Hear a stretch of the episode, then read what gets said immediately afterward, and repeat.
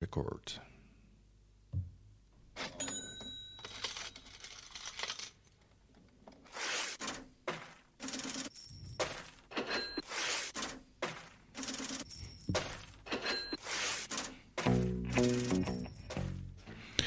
Ja, welkom bij deze tweede podcast van de Vermogensregisseurs. Uh, we gaan het deze aflevering hebben over de FOR, dus oftewel de fiscale oude dagsreserve.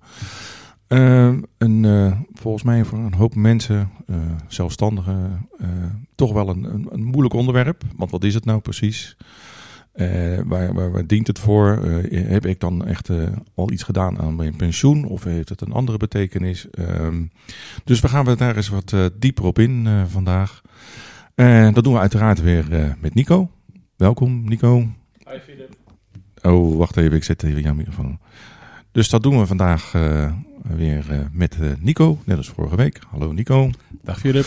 Nou, fiscale oude dagsreserve, dat kennen we al heel erg lang, dat, die term. Jij zei zojuist tegen mij nog even van tegenwoordig oude dagsreserve. Ehm, maar goed, het is, het is toch wel een onderwerp wat denk ik nog wel steeds heel erg actueel is voor heel veel mensen. Um, laten we eens beginnen met het uh, uh, bepalen voor, voor wie is de fiscale oude dagsreserve bedacht.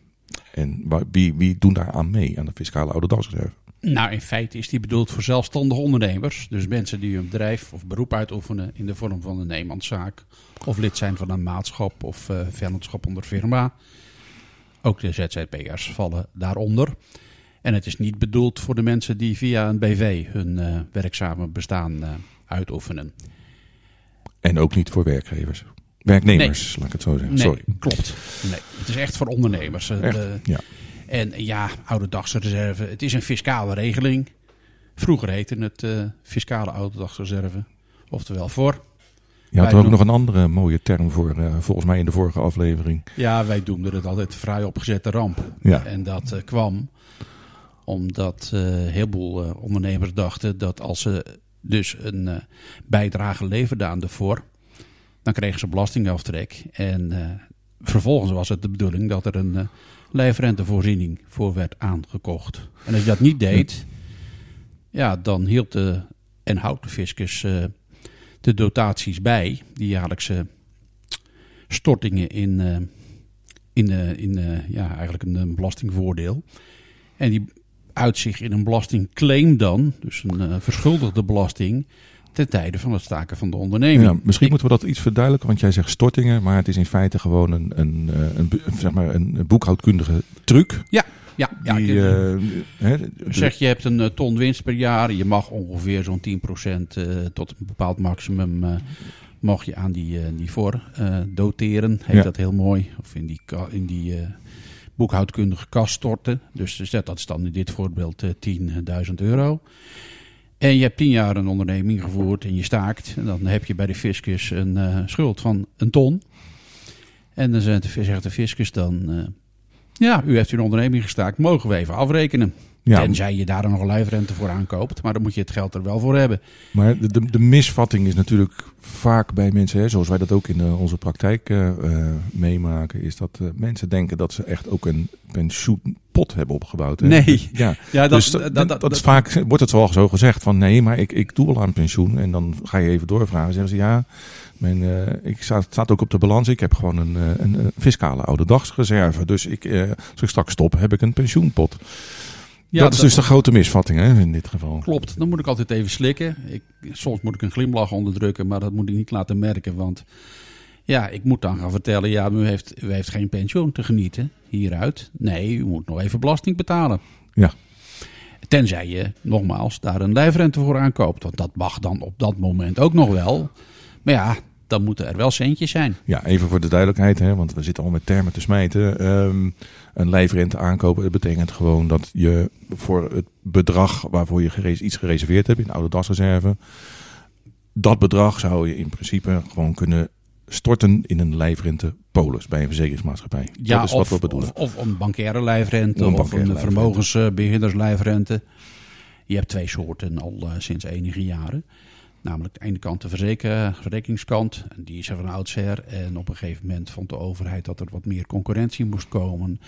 Die heeft toen ook banken en later ook uh, beleggingsondernemingen de kans gegeven om, uh, om die producten ook aan te bieden. Ja. Daar zitten nog wel wat verschillen tussen de verzekerde lijfrente en de bankaire lijfrente. Zoals ik die andere variant uh, maar zal blijven noemen, ook als die door vermogensbeheerders wordt aangeboden. Maar dat is iets om later op terug te komen. En mag je in dat geval, uh, als je dus een fiscale ouderdagsreserve hebt, mag je die dan uh, zeg maar onbeperkt omzetten in een lijfrente? Of zijn daar nog uh, maxima aan verbonden? Fiscaal, fiscaal gezien. Nou ja, de, de maximale toevoeging jaarlijks aan. aan nou ja, ik zeg, ik zeg het eigenlijk al. de, de jaarlijkse toevoeging. Um, aan de ouderdagsreserve, ja, die is gemaximeerd inderdaad tot zo'n 10% van, het, uh, van de winst in de regel. En dan is die winst ook nog vaak gelimiteerd, maar dat heb ik even niet in de hoofd zitten. Nee. Uh, maar inderdaad, uh, zeg als je een, dat voorbeeld van zojuist een ton winst maakt, dan mag je maar zo'n 10.000 doteren. Ja, en dat is dan een belastingclaim, tenzij je dat geld direct doorstort en er een lijfrente voor aankoopt. En ja, dan kan je tegenwoordig nog kiezen tussen drie vormen. De tijdelijke ouderdagslijfrente. En die loopt vanaf AOW-datum um, voor een aantal jaren. Meestal vijf of tien. In de levenslange. Nou, voor de bankaire variant uh, loopt die dan tenminste 20 jaar. En voor de rekeningslijfrente echt levenslang. En uh, daarnaast, uh, als er nog geld uh, na, overblijft als je gaat overlijden, dan is dat voor een nabestaande bestemd. Nou wil ik als uh, zelfstandige zeggen van nou goed, ik, ik heb dus een, een flinke reserve opgebouwd en ik wil dat omzetten in een lijfrente zoals we het net zeggen. Um, kan het zo, kan ik zomaar zeggen, ik kan dat één op één gewoon omzetten in een lijfrente. Uh, of zit daar dus, wat ik net ook al zei, ook weer een bepaalde maximum aan. Van, want het kan ook zijn dat je natuurlijk in het verleden een, een uh, arbeidsrelatie hebt gehad. Dat je bij een, ja. een, werkgever hebt gewerkt. En volgens mij komt dan ook zeg maar, de, de, de, zeg maar de A-factor komt weer om de hoek kijken. Ja, maar dat is niet voor de voor. Ik bedoel, als je doteert, datgene wat je doteert aan de voor extra comptabel, zeggen we heel mooi. Hè? Dat is dat die boekhoudkundige truc waar je het net over hebt. Dat mag je dan in een bepaald jaar echt besteden voor de aankoop van een lijfrente. Oké. Okay. Als je in privé lijfrentes koopt, dan zijn er andere maxima. Als je dan pensioen opbouwt, dan heb je met die factor A van doen. Maar laten we het daar niet over hebben, want dat is buiten de voorsfeer. Buiten okay. de sfeer van de ouderdagslijfrente. Oké. Okay. Uh, sorry, de, de oude ja, het is, het is ook moeilijke materie. Zelfs jij struikelt. uh, en jij bent toch een autoriteit op dit gebied, mag ik wel zeggen. Um, dan hebben we het volgende, waar wij dus ook wel eens uh, mee te maken hebben. Uh, bedrijfsbeëindiging. Hè, dus we, hebben, we, we, we, willen stoppen met ons bedrijf. we hebben een prachtige fiscale oude dagsreserve opgebouwd. Wat dan? Wat gebeurt er met die oude? Wat, wat moet ik daarmee? Nou, nou, staat er nog iets bij de fiscus, extra comptabel, dan mag je daar een oude dagslijfrente voor aankopen. Of een uh, nabestaande lijfrente of tijdelijke oude dagslijfrente. Maar laten we, laten we even, want het, uh, even voor de duidelijkheid. Als je dat wil, je moet ook het kapitaal hebben. Ja, dat moet want, geld, geld Want van de stel, er is geen kapitaal in het bedrijf. Want laten we zeggen, je stopt ermee omdat het, de, de zaken wat minder gaan. Dus er is niet echt kapitaal aanwezig om dat af te storten. Wat gebeurt er dan met die voor? Nou, dan zegt de fiscus, uh, mogen we even belasting heffen over het bedrag wat wij uh, bijgehouden hebben. En in dat voorbeeld, uh, voorbeeld wat ik net noemde, ja, waarbij een ton is opgebouwd, mag je daar gewoon tegen het progressieve tarief belasting over betalen. Ja, dus en dat is dus 50% kwijt. En dat is de ramp waar jij het ja. over had. Hè, ja. Dat een hoop uh, zelfstandigen denken iets uh, gedaan te hebben aan een pensioen. En uh, zodra ze een bedrijf stoppen, om wat voor reden dan ook, dan worden ze geconfronteerd met een hele vervelende boodschap. Dat er dus nog een schuld aan de Belastingdienst is. Dat klopt. Nou is het ook zo, we hebben het over staking. Stel je hebt winst bij de staking van de onderneming. En dat kan zo zijn als je de onderneming verkoopt. Dan kan je voor de zogenoemde stakingswinst kan je ook nog een lijfrente aankopen binnen bepaalde voorwaarden. Maar dat staat los van de voor. Niet helemaal, want uh, het maximale bedrag uh, dat uh, moet je wel nemen in combinatie met die fiscale ouderdagsreserve. Ja, eh, dat is, wordt, nou wordt het echt ingewikkeld. nou wordt het echt ingewikkeld. Maar goed, als mensen vragen hierover hebben, dan eh, kunnen ze altijd ons mailen. Ehm, ja, want dat is toch een van de, de, lastigste materie die er is eh, wat betreft die voor met bedrijfsbeëindiging. Daar komen dus mensen inderdaad voor een vervelende verrassing eh, te staan. Zijn er nog meer valkuilen op dat gebied of misvattingen die mensen hebben over de voor die je zo zou kunnen bedenken? Want ja, ik zeg al, je, je denkt iets te hebben, maar dat is dan, blijkt dan toch een zure appel te zijn. Of hebben we nu alles wel getackeld wat betreft? Nou, bijvoorbeeld, je hoeft niet deel te nemen aan de opbouw van de voor. Dan mis je in ieder geval het fiscale voordeel. Ja, eh, maar goed, eh, als het niet geen last- nodig is, eh, je hebt andere voorzieningen in voldoende mate om je leven gestalte te geven in financiële zin, dan hoef je niet aan de voordeel te nemen. Het nadeel van de voor is natuurlijk ook wel dat als je een lijfrente koopt, je ja, gehouden bent aan de voorwaarden die de fiscus stelt omtrent die jaarlijkse uitkering die je maximaal gaat genieten, de duur. Het is echt een reeks van periodieken. En je kan het geld niet in één keer opnemen. Dat, dat, is wel, dat kan een nadeel zijn. Ja, Het kan ook een voordeel zijn, want eh, mensen kunnen dan niet aan dat geld komen. En, eh, ze krijgen jaarlijks een bepaald bedrag. Dat kan soms heel verstandig zijn. Eh, maar dat is, denk ik, dat zijn wij de belangrijkste ja, kantelpunten of negatieve punten genoemd omtrent ervoor. ja. Dan als laatste, ehm, want er is een, eh, eh, een wijziging op komst. Eh, wat zegt de overheid? We stoppen met de voor. Ja, die, de overheid is tot het inzicht gekomen dat het een fraai opgezette ramp is. en die zegt, we staken die vooropbouw vanaf eh, 2023.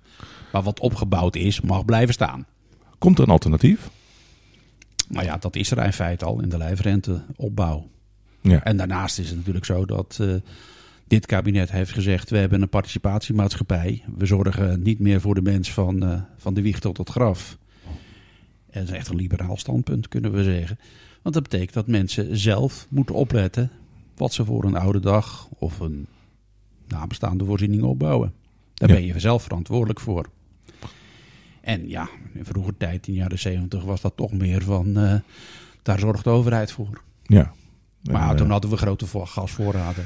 een wat progressievere houding, zeg maar. En een wat socialere houding naar de, naar de medemensen, zullen we maar zeggen. Ja, Ja, maar laten we die, dat pad maar niet opgaan, eh, denk ik. Want laten we het maar gewoon over eh, pensioenen zelf houden. Ehm, ja, nou, had jij verder nog wat toe te voegen aan, aan het geheel? Of kunnen we het hierbij laten?